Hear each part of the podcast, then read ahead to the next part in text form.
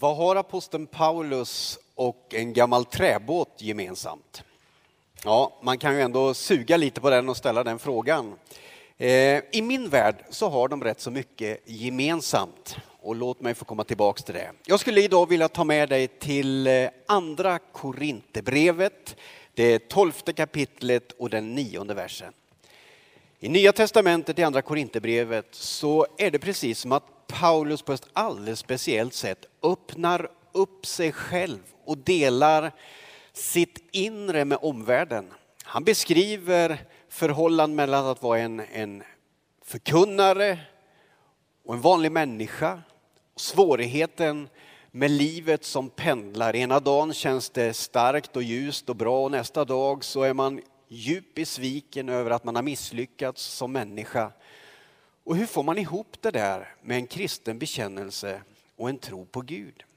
Paulus han i den här texten formulerar en bön om att han skulle få slippa en tagg. Att han skulle få slippa prövas med alla de där svårigheterna som gör att han blir så svag och orkeslös. Bönesvaret kommer i form av bevingade ord som har levt sedan den här tiden och blivit till tröst och hjälp för många. I andra Korinthierbrevet, det tolfte kapitlet och den nionde versen så står det så här. Men han svarade, och då är det Gud som svarar. Min nåd är allt du behöver. Ja, i svagheten blir kraften störst.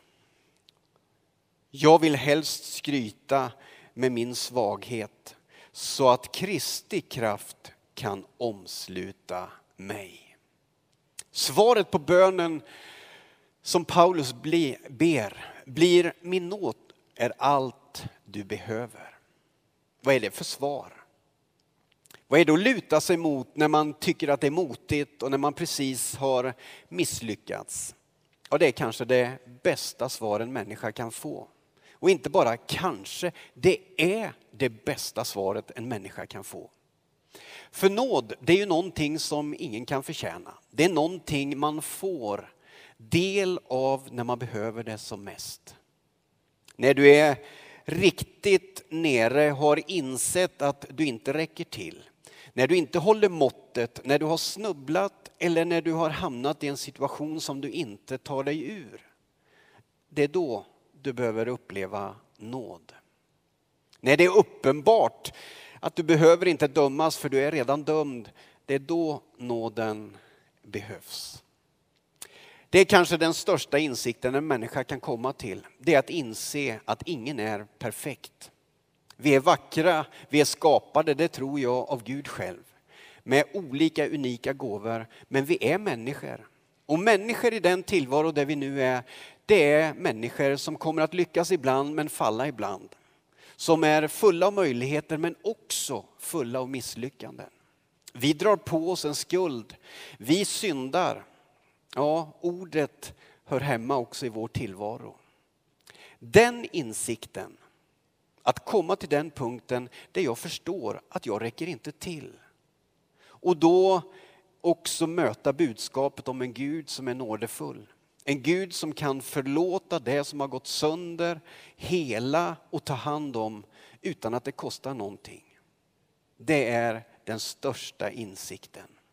Paulus i den här texten, han konstaterar, han är svag, han är jagad, han är till synes också ensam i sin värld. Då får han höra orden, min nåd är allt du behöver. Att kunna kasta sig i Guds fantastiska famn i den situationen och uppleva att man får förlåtelse. Att kunna starta om, att vända sig mot Jesus Kristus, be en bön och veta att det är nåd och kärlek jag möter. Det är allt en människa behöver att stå på. Sen var det ju det där med svagheten. Att ha en tro på Gud, att ha mött Jesus till frälsning, det innebär ju inte att du blir en supermänniska full av kraft varje dag utan misslyckande. Du är liksom komplett. Nej, du är fortsatt människa. Du kommer att snava ibland. Du kommer att snubbla och göra fel. Men i svagheten och i insikten om att vara svag ligger en hemlighet. För när jag inser att jag faktiskt inte klarar allt själv, då blir behovet av Gud så mycket större. Och i den insikten att jag behöver Gud så händer någonting. Jag blir lyhörd, jag blir längtande, jag sträcker mig mot honom och han som är både kraften och kärleken, han vill då göra någonting med mig. Låt mig slippa, säger Paulus. Ta bort det som är så jobbigt att bära i livet. Men Gud säger, det gör jag inte. Men min nåd är allt du behöver. Och då utbrister Paulus, då vill jag skryta med mina misslyckanden, för jag vill alltid vara beroende av dig. Vi närmar oss snart pingsten, den helg på året då det beskrivs i kyrkoåret att anden kommer, hjälparen, kraften från himlen som vill hjälpa dig och mig att vara människa. Och det är här träbåten kommer in. Låt mig bara berätta vad det innebär att få vara beroende av Gud. Min gode vän Andreas Ardenfors, tillika pastor, köpte för ett antal år sedan en träbåt. Det var sannerligen inget fynd, om jag får säga det. Det var en träbåt som hade legat på land länge och den hade torkat där den hade legat. Och ni som har träbåt, ni vet precis vad det innebär. En torkad träbåt läcker som ett såll när det hamnar i vattnet. Jag är med och ska sjösätta den här båten nere i Fiskebäcks hamn. Och några äldre fiskare drar upp den här båten i, i den här vaggan, i selen som nu ska sänka ner båten. Och de skrattar åt kapet som min gode vän har gjort när han köpte den här båten. Och säger de, den här båten den kommer behöva ligga i vaggan säkert en vecka. I vanliga fall räcker det oftast med ett dygn. Men du vet, man såg nästan mellan träplankorna i skrovet. Så torr var båten. Sakta sänker de båten ner i vattnet. Och där ska nu den hänga. I selen med vatten upp till relingen. Vatten i båten, vatten utanför. Och då händer detta fantastiska. Att när båten hänger där, kan inte göra något, du kan inte köra den, du kan inte använda den till något. Den bara hänger där i det här elementet, tryckt i selen, då börjar trät att svälla. En annan god vän som jag har, Urban Ringbäck, han sa att jag en gång predikat om träbåtar och uppe i Bohuslän så säger man att den här processen, den kallar man att båten tröttnar. Det vill säga den tätnar, den tröttnar och jag tycker det var vackert. En båt som hänger i selen nersänkt i vattnet skickliggörs för tjänst. Trät sväller och den blir tät. Efter en tid i vattnet så hissar man upp den, man tömmer ur vattnet och båten är nu funktionsduglig.